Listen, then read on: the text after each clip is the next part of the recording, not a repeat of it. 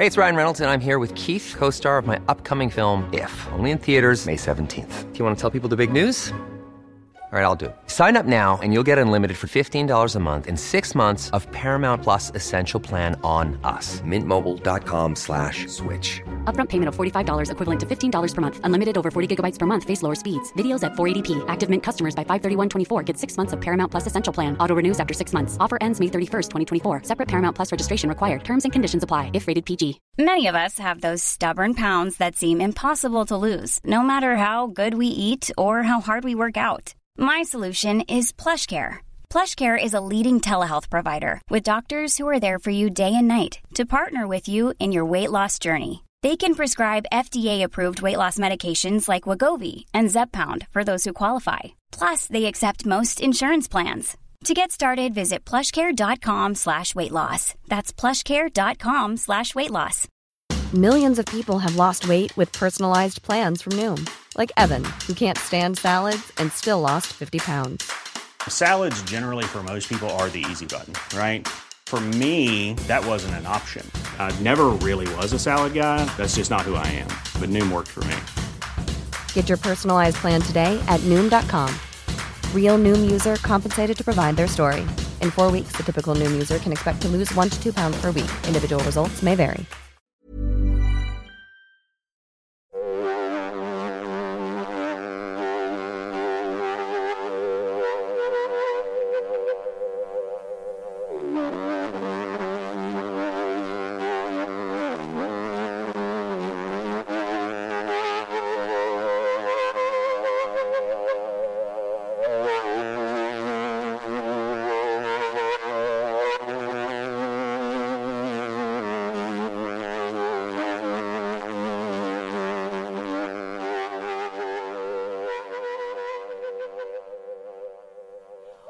Jag var en mördare, jag skulle inte ha kommit tillbaka. Jag åkte utomlands. Jag kunde resa till andra land för att det här, att mörda människor, det här är inte så roligt. Alltså, det här är svårt för mig. Mm. Det är svårt för mig också. Varför tror du att jag kom tillbaka? Jag sitter här just nu för att jag ska svara till dig. Jag har inte dödat Ove. Nej. Den 17 februari 2018 hittas den 57-åriga guldsmeden Ove livlös i sin säng i sin sommarstuga i Norrtälje. Det är hans 54-åriga sambo Barbara som tillkallat hjälp. Men när hjälpen väl kommer är han redan avliden. Dödsfallet, som skrivs av som en följd av sjukdom, kommer snart att ifrågasättas av Oves anhöriga, som då också börjar rikta misstankar mot Barbara.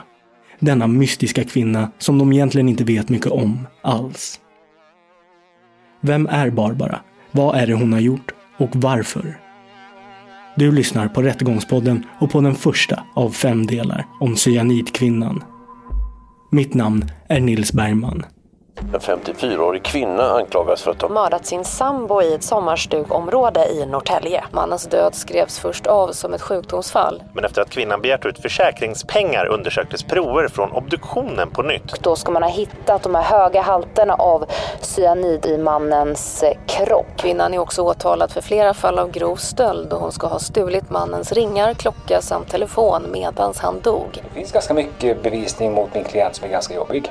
Jag har ju bedömt att det är sannolika skäl för att hon har förgiftat honom. Det grundar sig på eh, svar vi har fått då ifrån rättsmedicin.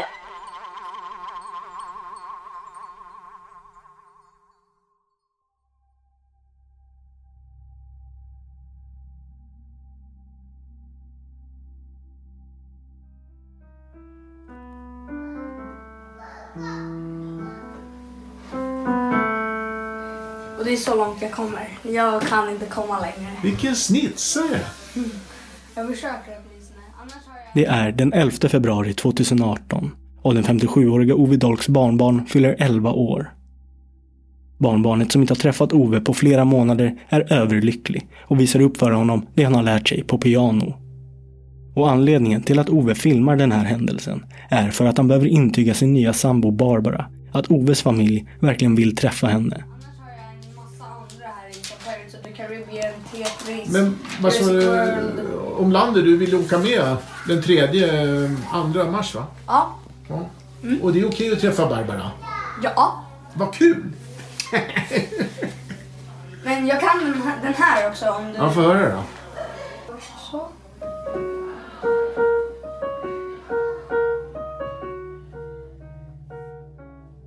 En vecka senare, den 17 februari, är Ove och Barbara på Oves landställe i Norrtälje. Och de planerar en myskväll. Men saker och ting kommer ta en oväntad vändning. Vi hör Oves granne uppe vid landstället, Alexandra. Nej men så att vi började ju laga mat, vi skulle grilla och sen ehm, ja, så ringer Barbara till eh, ja, Fredriks dotters telefon eh, och frågar efter Fredrik. Alexandra och hennes dåvarande sambo Fredrik står ute och grillar då Barbara plötsligt ringer och ber att få prata med Fredrik. Fredrik och Ove har haft en vänskaplig grannrelation med varandra och de har tidigare under dagen umgått.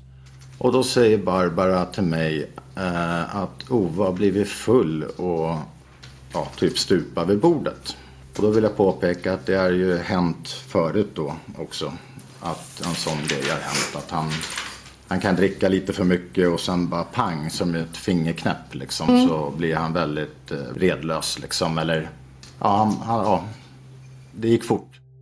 Uppgifterna förvånar inte Fredrik jättemycket eftersom Ove tampats med alkoholproblem till och från i livet. Men Barbara verkar upprörd så Fredrik avbryter grillningen, springer ner till Barbara och Ove för att kolla läget. Vid halv sju-tiden kliver han in i köket där Ove sitter med pannan ner på bordet och armarna ner på sidan. Bredvid honom står Barbara. Och jag går fram och jag bara oh för fan du, du, nu, nu måste du gå in och lägga dig liksom och ruska. Och han uh, så här höll på att åma sig. Ja och då tar jag hans arm runt min hals och liksom och bara lyfter rakt upp. Uh, och Barbara tar andra sidan. Uh, och vi hjälps åt och konkar in med Han går, halvgår ju lite grann så här hela tiden. Och så får vi in honom i sängen. Och då gjorde han på sig. Eh, bajsade på sig lite där eh, under den sträckan in då. Då kan jag ju påpeka att det har hänt en, eller ett par gånger innan att han har kissat på sig eh, när han har druckit. Har. Eh, men inte bajsat på sig.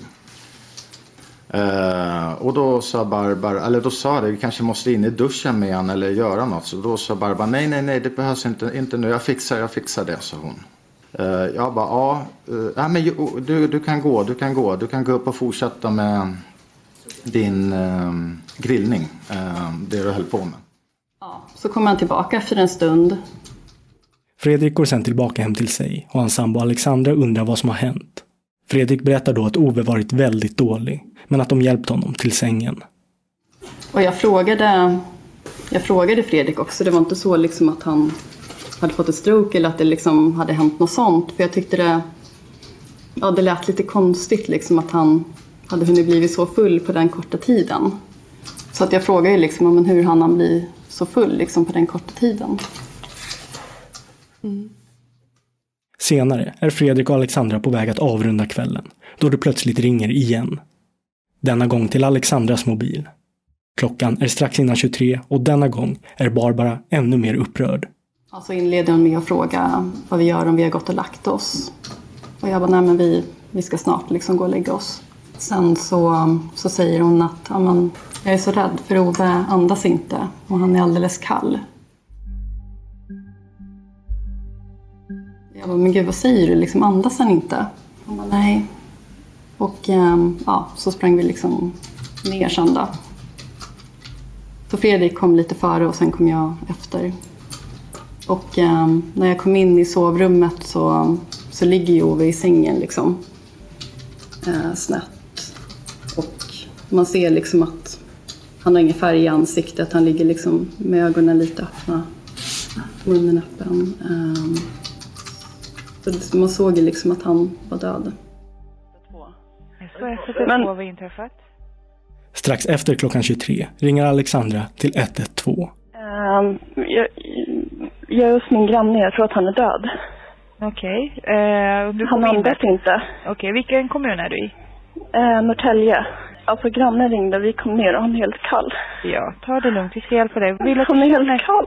Jag förstår det. Så jag skulle Han vilja... andas inte. Nej, jag skulle vilja att du kände efter om du, har, om du känner någon puls på han. Har han någon puls eller? Fredrik, du måste kolla om han har någon puls. Nej, Jag känner ingenting. Ja, du känner ingenting. Alexandra och Fredrik sätter igång och gör hjärtkompressioner.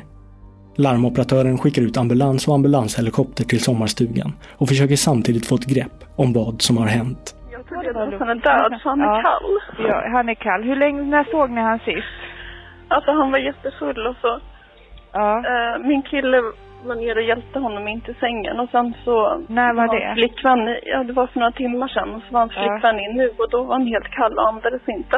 Okej, men eh, din sambo där, gör han hjärt och lungräddning på nu med Ja, han håller på nu. Jättebra. Kan du sätta på högtalartelefonen där så ska Ja, jag vänta prata då. lite med honom. Larmoperatören instruerar Fredrik hur han ska göra. Men Ove är kall och livlös och Fredrik ser egentligen inget hopp i att lyckas återuppliva honom. Försök att få ner honom på golvet. Det är jättebra så ska ni få göra hjärtkompressioner på honom där. Ja. Det blir lättare för dig att göra hjärtkompressionerna också. Han är ju kall. Det Ja. kan vara jättelänge sedan. Vi vet Hur- inte när det. Eh, När vi såg ni provar. Ja, vi försök. Det är jätte... måste komma! Och den här rösten, som hörs i bakgrunden, tillhör den då 54-åriga Barbara Jarl. Hon tycks vara förtvivlad över vad som har hänt. Eh, Vad gjorde Barbara under den här tiden? När jag gjorde kompressionerna? Ja, under den tiden, alltså från den du och Fredrik kommer ner och tills ambulansen kommer. Har du någon minne av vad hon gjorde och hur hon var? Vi hör Alexandra. Hon sa inte så jättemycket så, vad jag kommer ihåg. Mm. Hon grät inte heller så liksom, utan... Ja.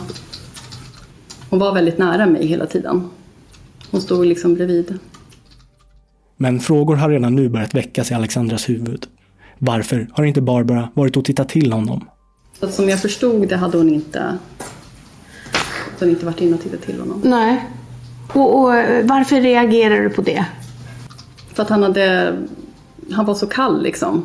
Så han hade ju liksom legat död en stund. Ja men om någon är så dålig så, så håller man väl lite koll. Tänkte du så? Ja. Alexandra noterar också att Ove inte har några smycken på sig. Vilket är anmärkningsvärt eftersom han är guldsmed och ofta bar smycken. Och då vet jag att jag tänkte också att vad konstigt att han inte hade någonting alls på sig. Alltså varken förlovningsring eller klocka, ingenting. Men att jag tänkte liksom att ja, han kanske har tagit av sig det eller något sånt där. Blinkar och vi... Ja. Ja. Eh, ursäkta? Är du Ove sambo? Ja. Ja. Larmoperatören börjar nu prata med Barbara. Barbara tycks måna om att de ska komma så snart som möjligt och Fredrik och Alexandra har nu sprungit ut och satt på blinkerserna på bilen för att helikoptern som är på väg enklare ska kunna hitta till stugan. Hallå, hur lång tid tar det? Innan de kommer fram? Ja. Ja, de kör så fort de kan. Nu har helikoptern lyft så jag ser att den är på väg till er. Så att har jag någon som har, om ni har någon ficklampa eller någonting. Ja, men bilen blinkar och vi... Ja. Ja. Det är jätte, jättebra. Helikoptern har lyft är på väg till er där. När såg du Ove senast? När pratade du med han? Tre timmar sedan. Tre timmar han var sedan. väldigt, väldigt unik. Han har druckit Ja. mycket och, Ja. och min granne hjälpte mig. Ja, men vad bra. Ja. Men det är jättebra. De gör fortfarande, de fortsätter med hjärtkompressionerna där. Ja, jo. Ja. Ja, se åt dem att fortsätta göra hjärtkompressioner där hela tiden. Och ni hade en åker precis utanför som de kunde landa på. Efter omkring 15 minuter hör man i bakgrunden hur ambulanshelikoptern landar utanför stugan. Har, har helikoptern landat där nu hos er? Ja, ja. De är här. De är där, jättebra. Ni har gjort ett superduper jobb där och eh, helikopterpersonalen kommer hjälpa er vidare där nu. Mycket. Toppen jobb ni har gjort. Gå ut och möt upp dem där nu och visa vägen. Tack. Tack för att ni ringde. Hej då.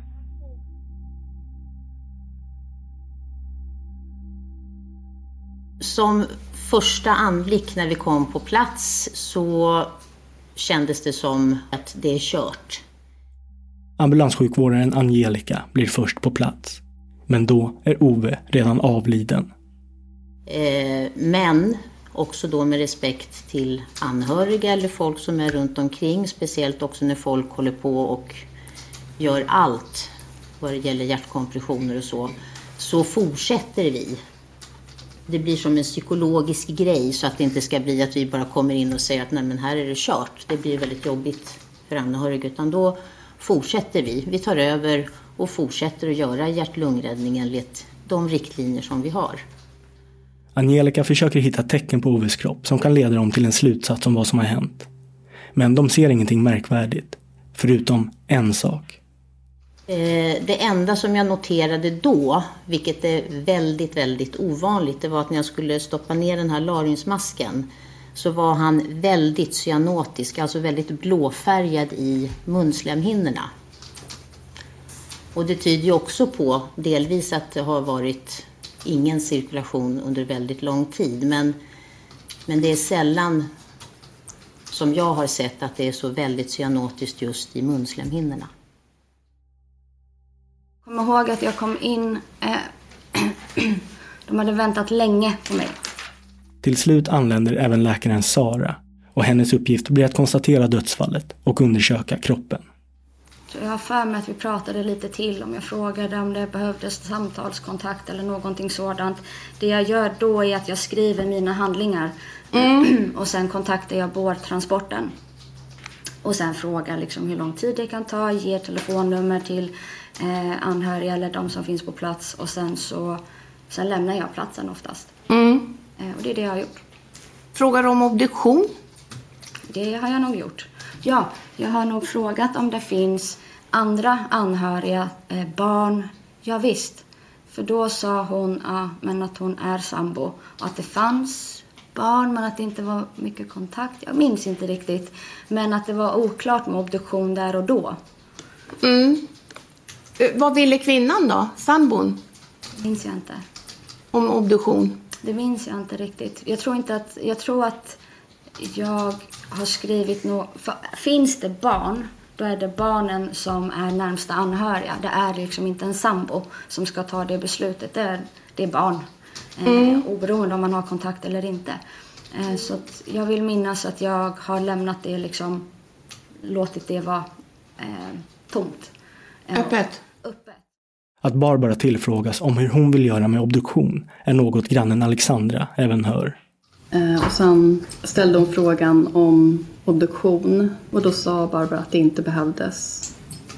Och då sa jag det att ja, men det finns tre barn också. De kanske vill veta vad som har hänt sin pappa. Eh, och då sa Barbara att ehm, ja, nej, men barnen kan få bestämma.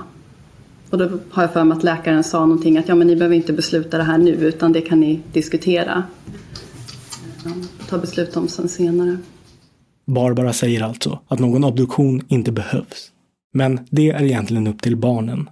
Och de har ännu inte blivit underrättade om vad som har hänt deras pappa. Än så länge är det ingen som misstänker Barbara för inblandning i Oves död. Men det kommer man att göra. Fast mycket längre senare. En av de första uppgifterna som kommer att visa sig inte stämma är den Barbara uppger om att Ove ska ha varit väldigt berusad under den här kvällen. I det här fallet vill jag minnas att det var tydligt att det hade druckits en del den kvällen. Eller en period eller något sånt där. Vem sa det? Eh, den kvinnan som sa att hon var sambo. Sambo? Mm. Jag vill minnas att jag inte bedömde att det skulle ske en obduktion. Utan att jag bedömde att dödsfallet till stor sannolikhet skulle ha varit på grund av en överkonsumtion av alkohol i kombination med den medicin som fanns. Ove har haft en hjärt-kärlsjukdom och gått på blodtrycksmediciner. Och han använder i vissa fall även Viagra. Och teorin blir att dessa läkemedel tillsammans med ett kraftigt intag av alkohol lett till att hjärtat gett upp.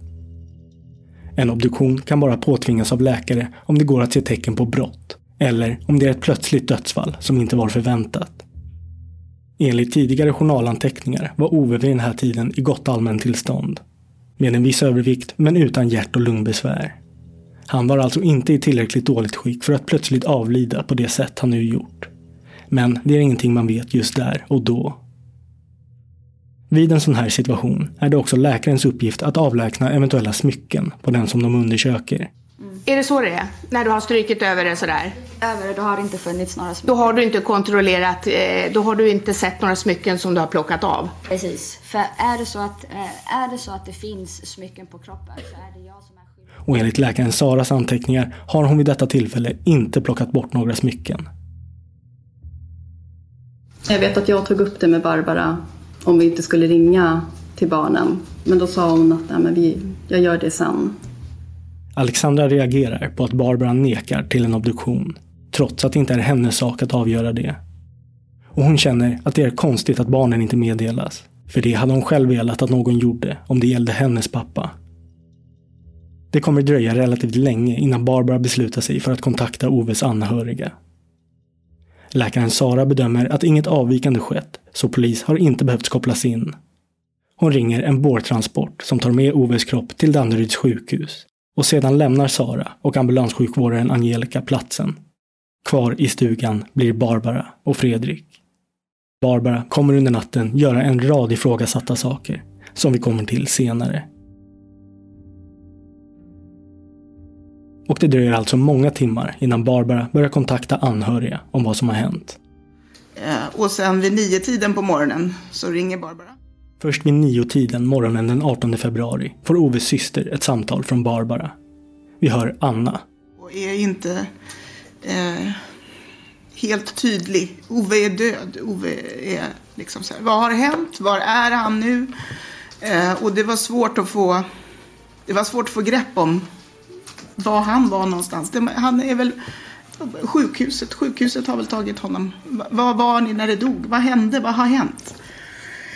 Eh, hon var ledsen och upprörd. Eh, och jag sa, kan du komma hit? Ja, jag kan komma till dig. Och så skickade jag min adress. Barbara uppger inte så mycket information om vad som har hänt. Så under tiden Barbara beger sig över till Anna börjar Anna ringa runt till närliggande sjukhus för att få reda på vad som har hänt Ove. Och så försöker jag ringa till Norrtälje sjukhus. Och få reda på vad han är. Vad är det som har hänt? Det de kan säga är att han inte är intagen akut. Utan det enda som kan vara är att han är på bårhuset direkt. Och det kan de inte bekräfta. Anna ringer upp sin mamma och berättar vad som har hänt. Och sedan ringer hon även upp Oves dotter, Louise. Eh, den 18 på morgonen på söndagen då får jag ett samtal på morgonen utav eh, Anna. Ehm, och då säger Anna att det, eller jag, jag tror att jag frågade henne, är det farmor? Det har hänt något sa hon, är det farmor säger jag då. Nej det är Ove, Ove är död säger hon då. Och då vet jag att jag bröt ihop. Ehm, så att jag pratade med Anna i telefon och sen pratade jag med mina brorsor. Och sen ringde jag även till min mamma förstås. Och sen eh, samlades vi, jag och Viktor med familjer hem, samlades hemma hos mig. Medan dottern Louise och sonen Victor samlas hemma hos Louise för att samla tankarna och känslorna kring vad som har hänt har Barbara anlänt till Oves syster Annas lägenhet söder om Stockholm. När Barbara kommer är hon väldigt upprörd och ledsen. Vi är ledsna allihopa. Och eh, berätta vad är det som har hänt. Och då säger hon att han var så full. Han har varit så full. Och eh, att han hade varit ute med motorcykeln och tappat sin telefon. Och de hade ätit middag och han hade blivit så full, han hade druckit så mycket, han hade hällt i sig, säger hon.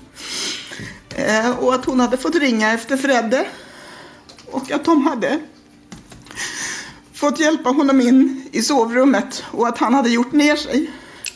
Och då frågade ju både jag och min mamma direkt varför hon inte har tagit hand om det. Varför man inte ringer till sjukhuset då. Vi tycker att det är jättekonstigt. Varför ringer man inte till ambulans då? Det är ju inte... Jag har då aldrig varit med om att han har gjort ner sig. Oa. Då fattar man väl att någon är sjuk.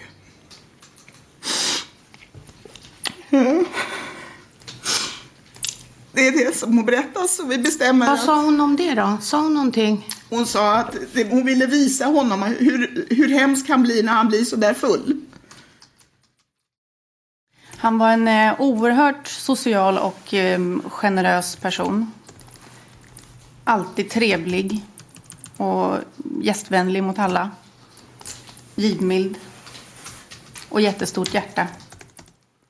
Det är mycket kring uppgiften om att Ove ska ha druckit sig stupfull under kvällen som sticker i ögonen, framförallt på dottern Louise. Hon medger att Ove har haft ett alkoholmissbruk, som också varit en av anledningarna till att deras kontakt med varandra inte varit den bästa på senare tid.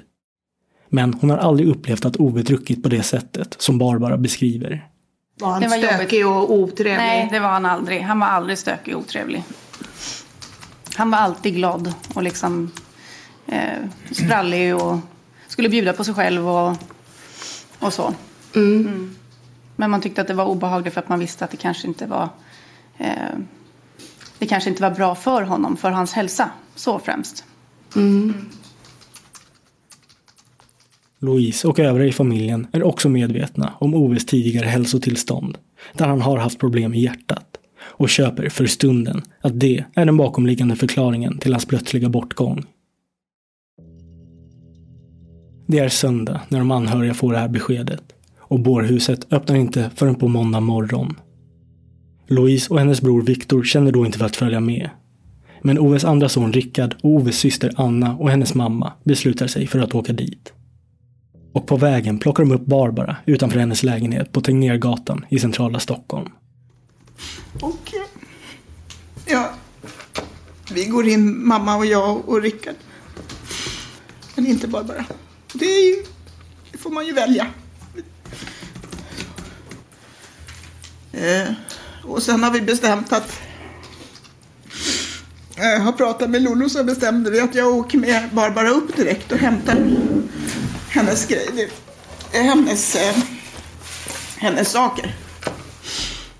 Eh, och nycklarna till affär och allt sånt där så vi kan träffas där och överlämna. Efter besöket på bårhuset åker Anna, hennes mamma och Barbara upp till stugan i Norrtälje. Och så åker vi upp och det som jag reagerar på när vi är där uppe det är att hon hela tiden säger till mig Du måste titta vad jag tar. Du måste titta vad jag tar. Du måste gå med mig, titta vad jag tar. Det kändes konstigt. Och den var det konstigt att hon inte, det var väldigt lite. Jag tänker att det är kläder och sminkväska och sånt. Men det var väldigt lite. Det var nästan ingenting. Och då så frågade mamma, har du inga kläder och grejer här? Nej, jag brukar bara ha med mig det som är över helgen. Anna förvånas över att Barbara är så inställd på att peka ut vad det är i stugan som tillhör henne. I garaget står det träningsredskap och elcyklar som Barbara påstår är sina och som hon vill ha. Men hon har för liten bil för att få plats med allt, så de ringer grannen Fredrik som kommer över. De lastar då över sakerna som Barbara påstår tillhör henne till hans garage. Så och sen när vi kommer in i huset så, ja, den tvn som sitter här den är min, Oves är den som är där uppe. Ja, ja, ta tvn. Jag skiter väl fullständigt i värdefulla saker. Just nu när min bror har gått bort. Och det vet jag att jag skulle inte låta henne. Men det är inte det första man tänker på. Nej. Och vem monterar ner tvn då? Fredde hjälper till och monterar tvn, monterar ner tvn. Men inget av det som Barbara vill lägga beslag på tycks vara privata saker som uppenbart är hennes. Utan det är mer möblemang och dylikt som Barbara lägger beslag på.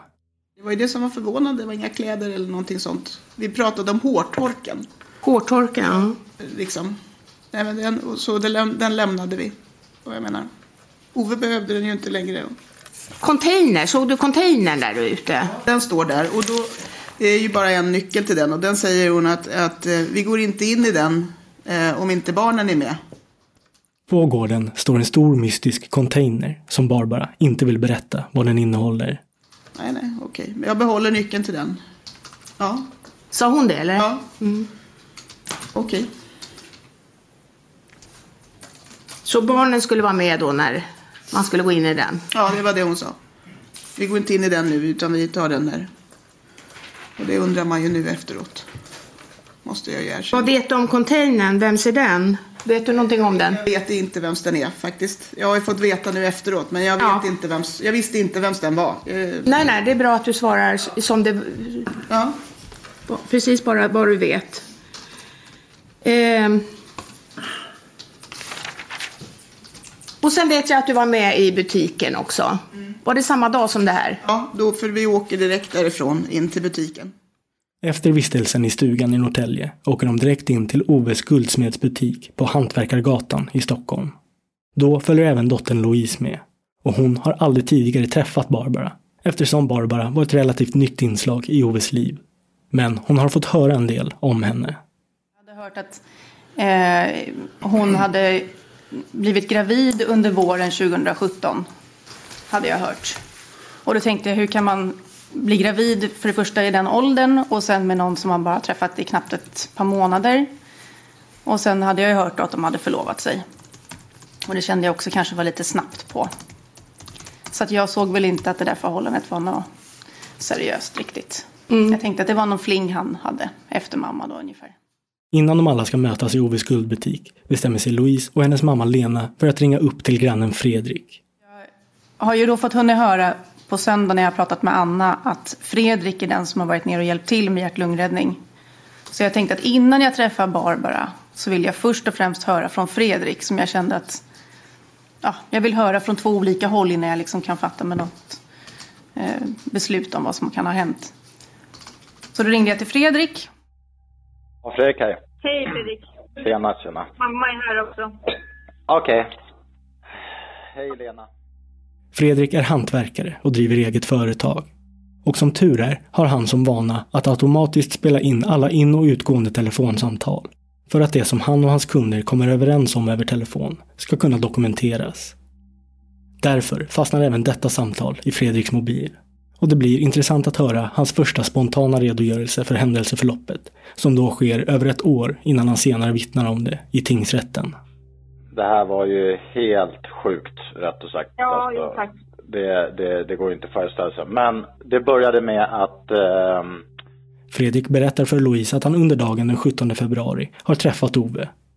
De drack visserligen två Jäger tillsammans, men han upplevde inte att Ove var berusad utöver det.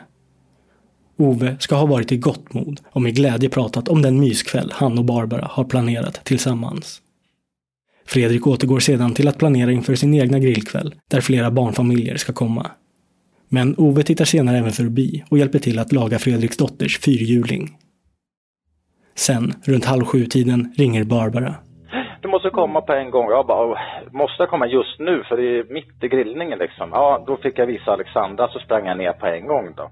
Och när Fredrik kommer in i Oves kök blir han väldigt förvånad. Så det här var ju jätteförvånat att bara han och Barbara sitter och han blir sådär stupfull. Det tyckte jag var jätte... Hade de ätit färdigt då, då eller? Ja, då hade de käkat färdigt. Ja, det var ingenting på bordet där nere, ingenting var det inte. Så han somnade alltså vid bordet?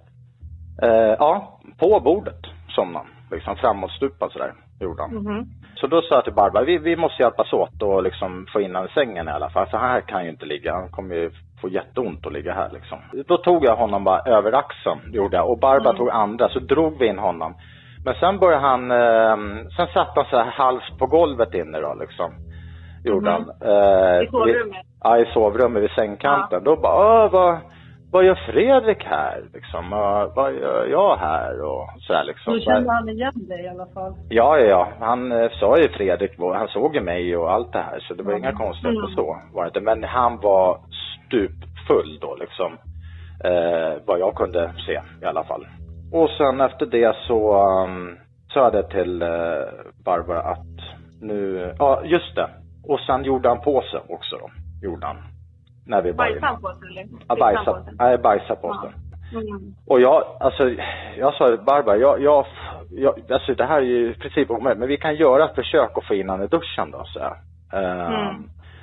Så, men Barbara bara, nej, nej, strunt i det nu. nu. Låt han bara ligga här nu. Då låg han på ena sä- sängsidan där, gjorde han då. Mhm.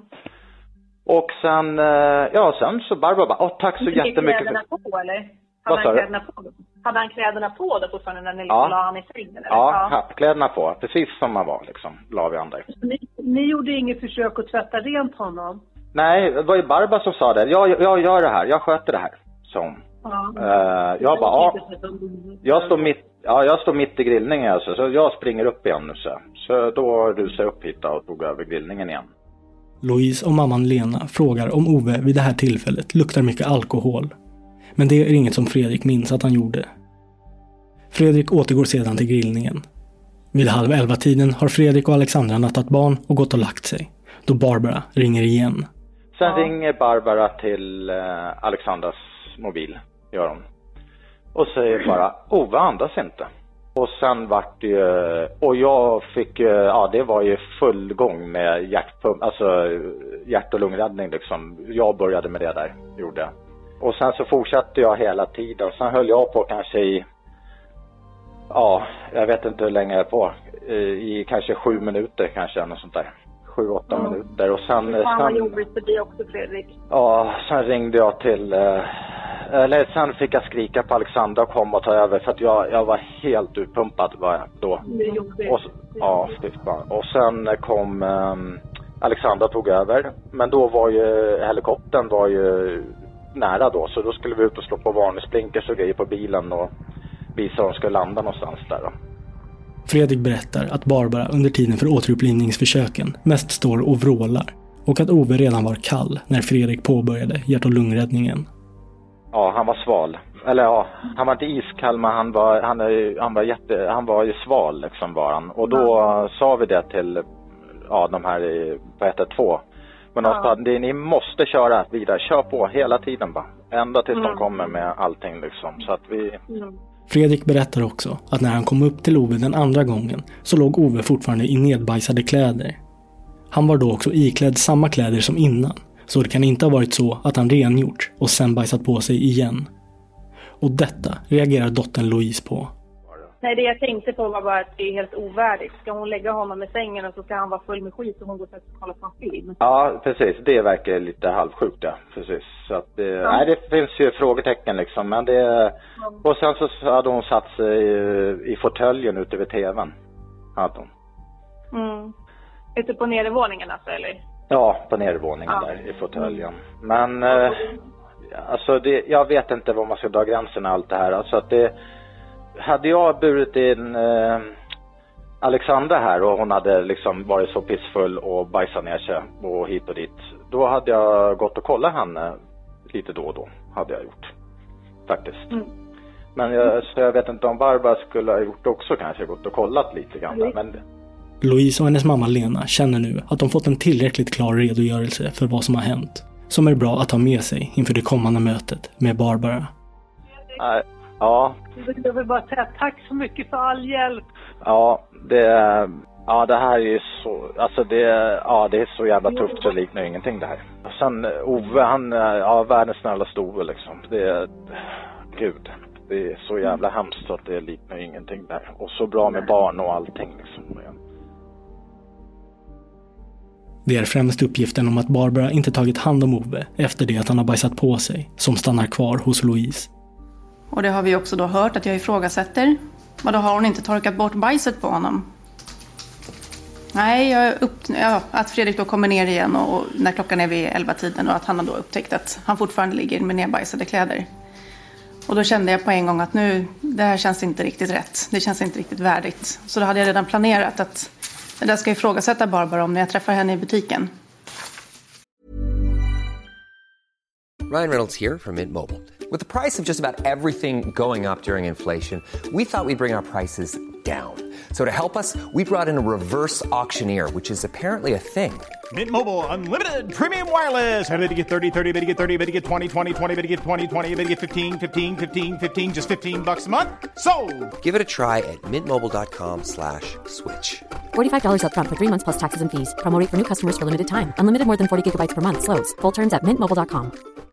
If you're looking for plump lips that last, you need to know about Juvederm lip fillers. With Juvederm Volbella XC and Juvederm Ultra XC, your lip look, whether it's subtle or bold, can last up to one full year with optimal treatment and no additional maintenance. Find a licensed specialist and see if it's right for you at juvederm.com today. That's J U V E D E R M.com. Add fullness to lips in adults over 21 with Juvederm Volbella XC or Juvederm Ultra XC. Do not use if you have severe allergies or a history of severe allergic reactions, or if you're allergic to lidocaine or the proteins used in Juvederm. Tell your doctor if you have a history of scarring or taking medicines that decrease the body's immune response or that can prolong bleeding. Common side effects include injection site redness, swelling, pain, tenderness, firmness, lumps, bumps, bruising, discoloration, or itching. As with all fillers, there's a rare risk of unintentional injection into a blood vessel, which can cause vision abnormalities, blindness, stroke, temporary scabs, or scarring.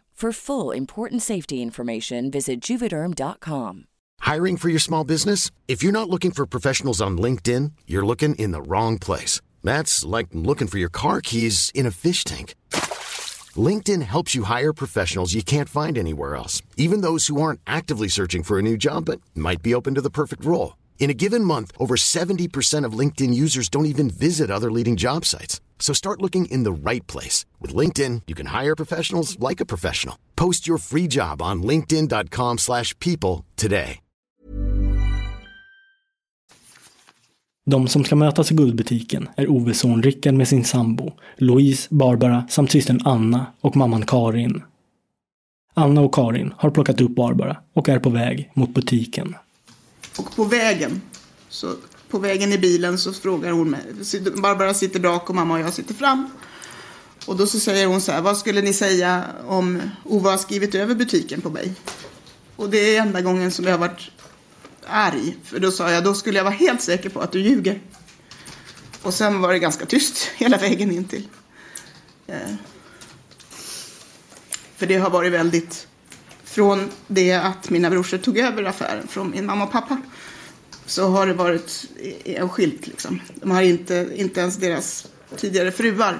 Utan det skulle vara, det ska vara Kenneth Oves. Tills de splittade och då är det bara Oves. Så helt, det skulle han aldrig göra. Så under eftermiddagen möts de alla upp i butiken. Louise, som aldrig tidigare träffat Barbara, har inga planer på att vara konfrontativ. Men däremot lite taktisk. Hon har en del frågor hon vill ha svar på. Mitt minne är att jag går direkt in till lilla kontoret och att jag går fram till Barbara och ger henne en kram för att hon någonstans ska känna att jag vill bara höra vad som har hänt. Jag har liksom inte något agg på något sätt. Som tur är spelas även detta samtal in. Men denna gång genom Barbaras mobiltelefon. Exakt varför Barbara väljer att spela in det här mötet är något oklart. Men troligen för att hon vill dokumentera vad som sägs och eventuellt beslutas mellan henne och de anhöriga. Och i den sparade ljudfilen hör man att Barbara är ledsen.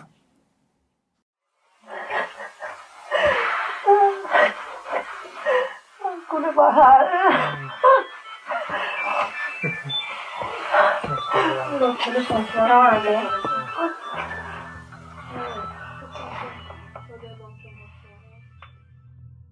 Och Louise ber Barbara att berätta för henne vad som egentligen hände under kvällen då Ove dog. Och då berättar hon att Ove har druckit hela dagen. Han började tidigt, redan på morgonen, att dricka. Och han drack allt. Han blandade allt. Och det var öl och vin och whisky och lauders och jäger och...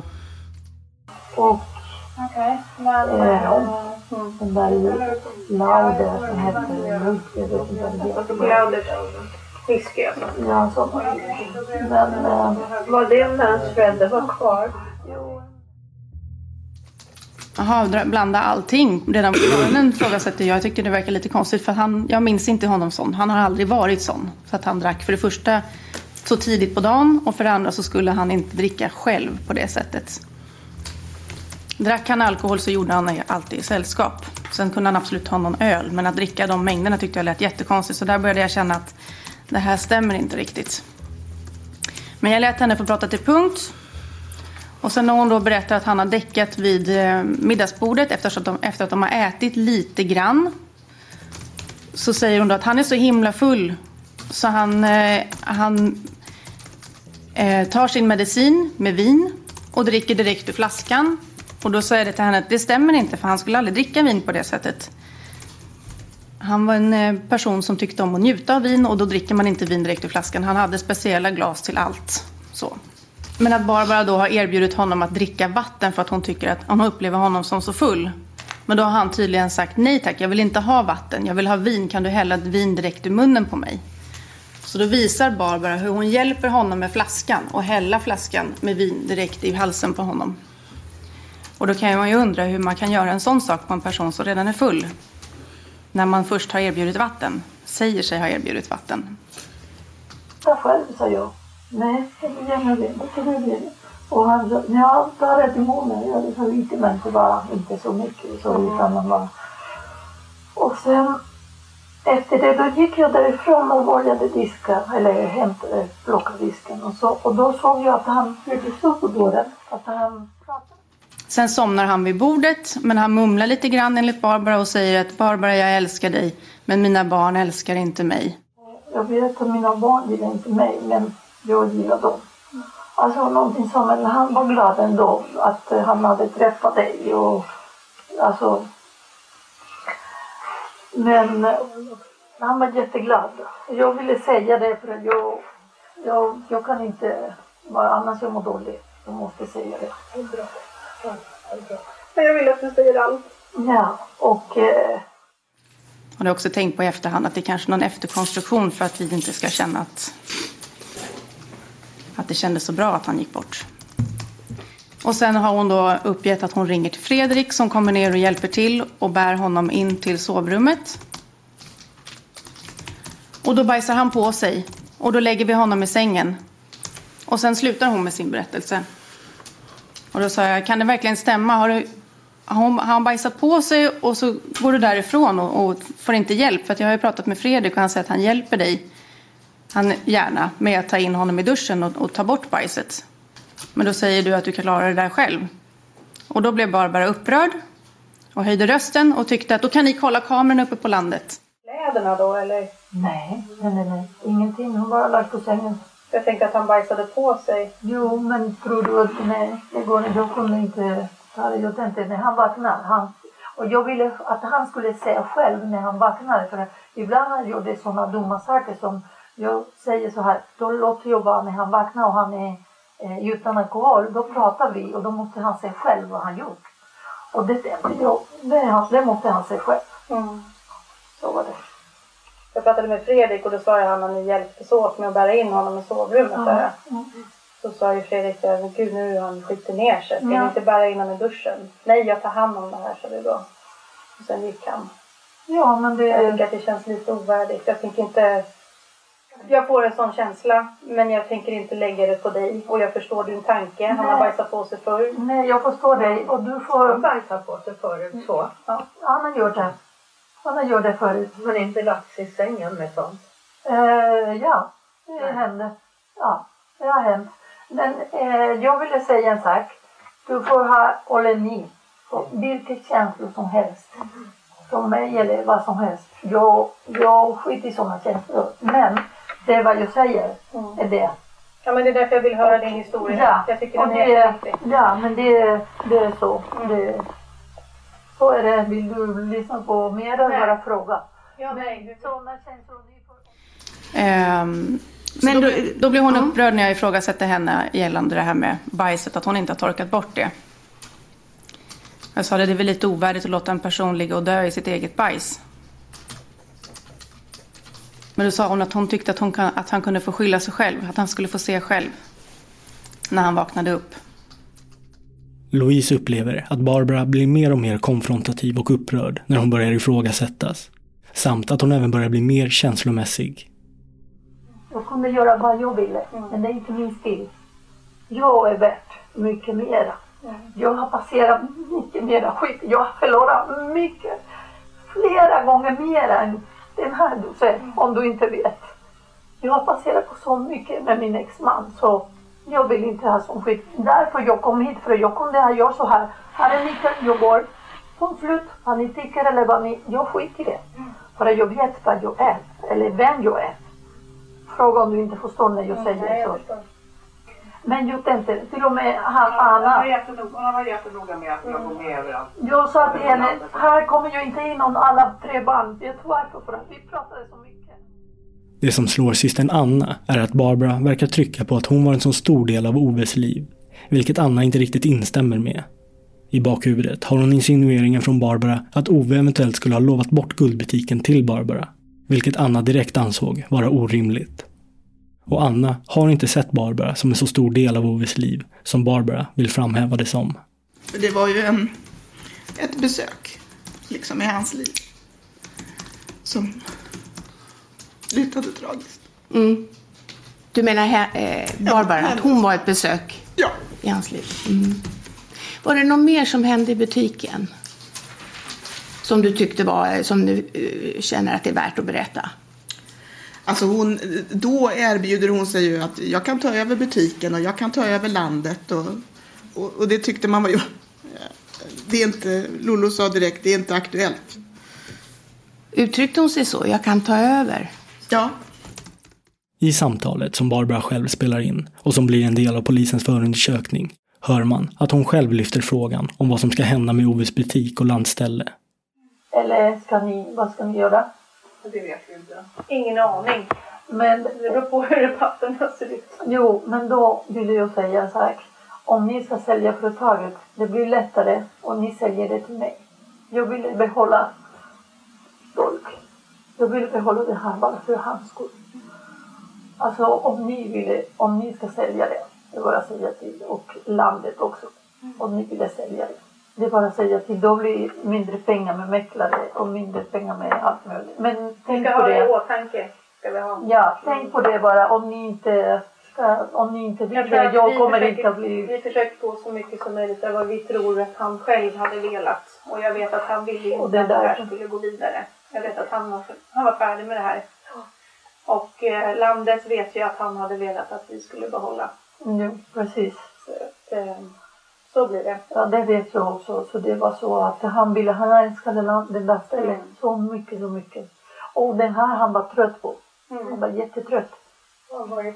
Jag tror att det, är, det här är färdigt nu. Det här.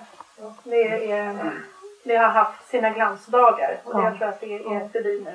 Eh, ja, men det, det kan jag eh, behålla det eh, själva lokalen och det behållit namnet på. Så det, Och namnet ska nog inte gå vidare heller känner jag. nej. Nej. Det startade med farfar och det, det stoppar här. Gör det. Ja, ja men då så. Ja. Och i samband med att Barbara pratar om hur mycket Ove uppskattade sina barn kommer hon in på containern som står på landstället, som ingen vet vad den innehåller. Jag vet att han gillade det. Alltså han älskar, ni var allt för honom. Allt. Och du var mycket speciell för att han, ja, han berättade för mig. Så alla tre var lika väl, men så var det. Så det, jag ville visa allt som så. Det, och en sak till som jag pratade med Anna. Containern som finns där, den där containern är min. Och jag har På skrivit landet? på landet. Den, och det är låst. Jag skulle vilja att ni respekterar den och inte öppna utan mitt tillstånd. Men gör ni det, då kommer jag tyvärr att göra en polisanmälan. Det är bara jag säger så bara. Eh, förlåt. Men jag, det är inte, jag, är, jag säger vad jag tycker, vad jag känner. Så ni får säga vad ni vill också. Eh, jag har nyckel och allting. Eh, det kan finnas grejer som jag inte kommer ihåg som det är inte mina. Men det kan vi, när jag kommer dit och fixar det. Då vill jag att ni, någon av er eller alla tre kommer med mig innan jag öppnar och kollar lite läget. Jag tänker Finns inte... det någon mer nyckel än du har? Eh, sen avslutar väl hon sin berättelse och då vet jag att farmor sitter precis bredvid mig, Karin alltså då. Och då säger hon, du kan inte mena att du lämnar honom med bajs i sängen. Jo, men det har hänt massa gånger förut, säger hon då. Det kan du inte mena, säger farmor då. Jo, och han skulle få se själv och ta bort lakanen och det själv och gå upp och duscha. Mötet i butiken börjar rundas av. Men Louise och hennes mamma kan fortfarande inte släppa detta med att Barbara inte erbjudit sin hjälp då Ove uppenbarligen behövde den. Och så säger hon ju också då att hon har under, under dagen, lördagen, att han har kört fort med motorcykeln. Och under tiden så har han tappat sin mobiltelefon. Och eftersom att jag då har pratat med Fredrik först på förmiddagen så vet jag ju att samtalet har varit med honom klockan fyra. Eller att han har pratat med honom någon gång under dagen. Ehm, och Barbara berättar då att ja, men han har tagit motorcykeln och kört jättefort uppför backen. Så jag var så orolig för han var så full. Så jag trodde att han skulle ramla. Men han körde så fort uppför backen till Fredrik. För det är som ett litet krön och så är det en uppförsbacke upp till Fredrik där han bor.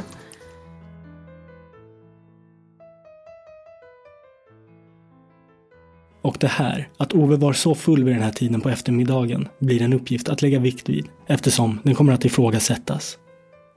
Han, han hade telefon, han brukar ha telefonen med sig hela tiden. När, när han, och han märkte faktiskt att han hade kvar en telefon. Han märkte när han trodde att han tappade. Då sa han, men jag det sen. Men han var, han var full.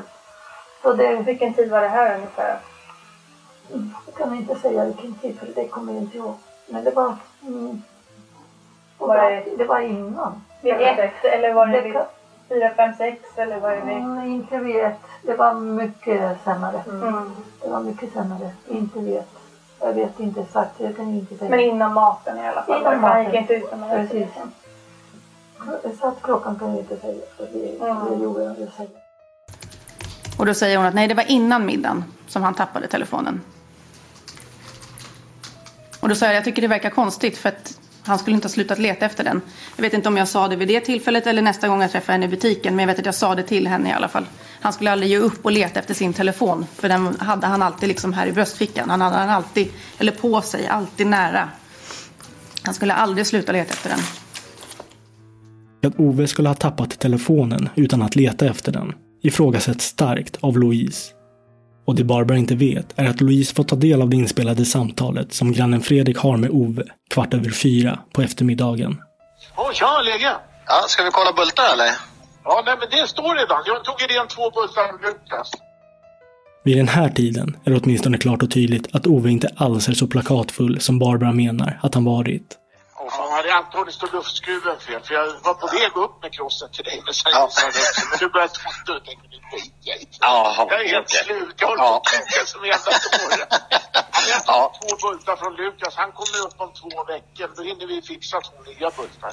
Ja, Det just ska det. vara, det ska vara de där äh, tonade, vet du. Ja, jag kollar det. Gör jag. Ja, kanon. Vi hörs sen. Kan åka i alla fall. Ja, vi gör det. Hörs Ja, sen. kanon. Ja, tja, tja.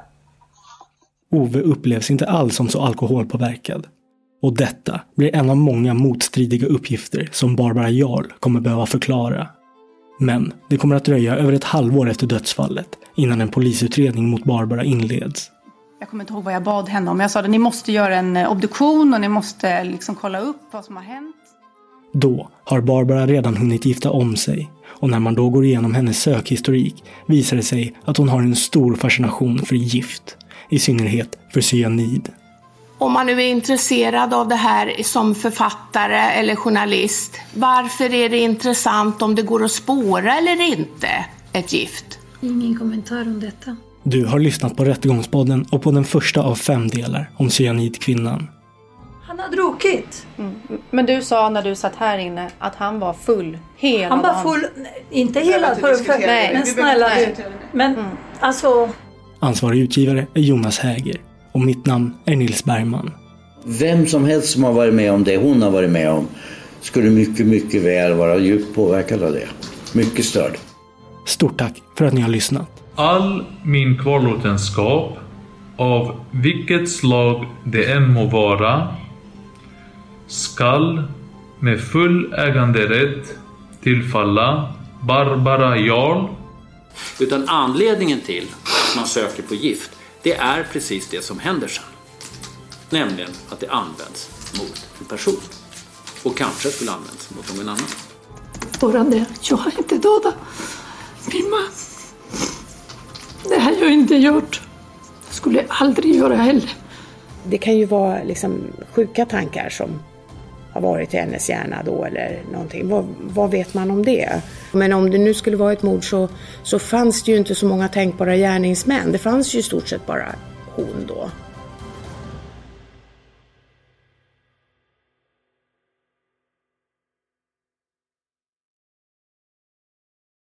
Rättegångspodden är en Tall Tale produktion. Ansvarig utgivare är Jonas Häger. Och Rättegångspodden görs i samarbete med Lexbase. Ange rabattkoden Rättegångspodden när du blir ny betalande medlem på lexbase.se och få tre kostnadsfria domar.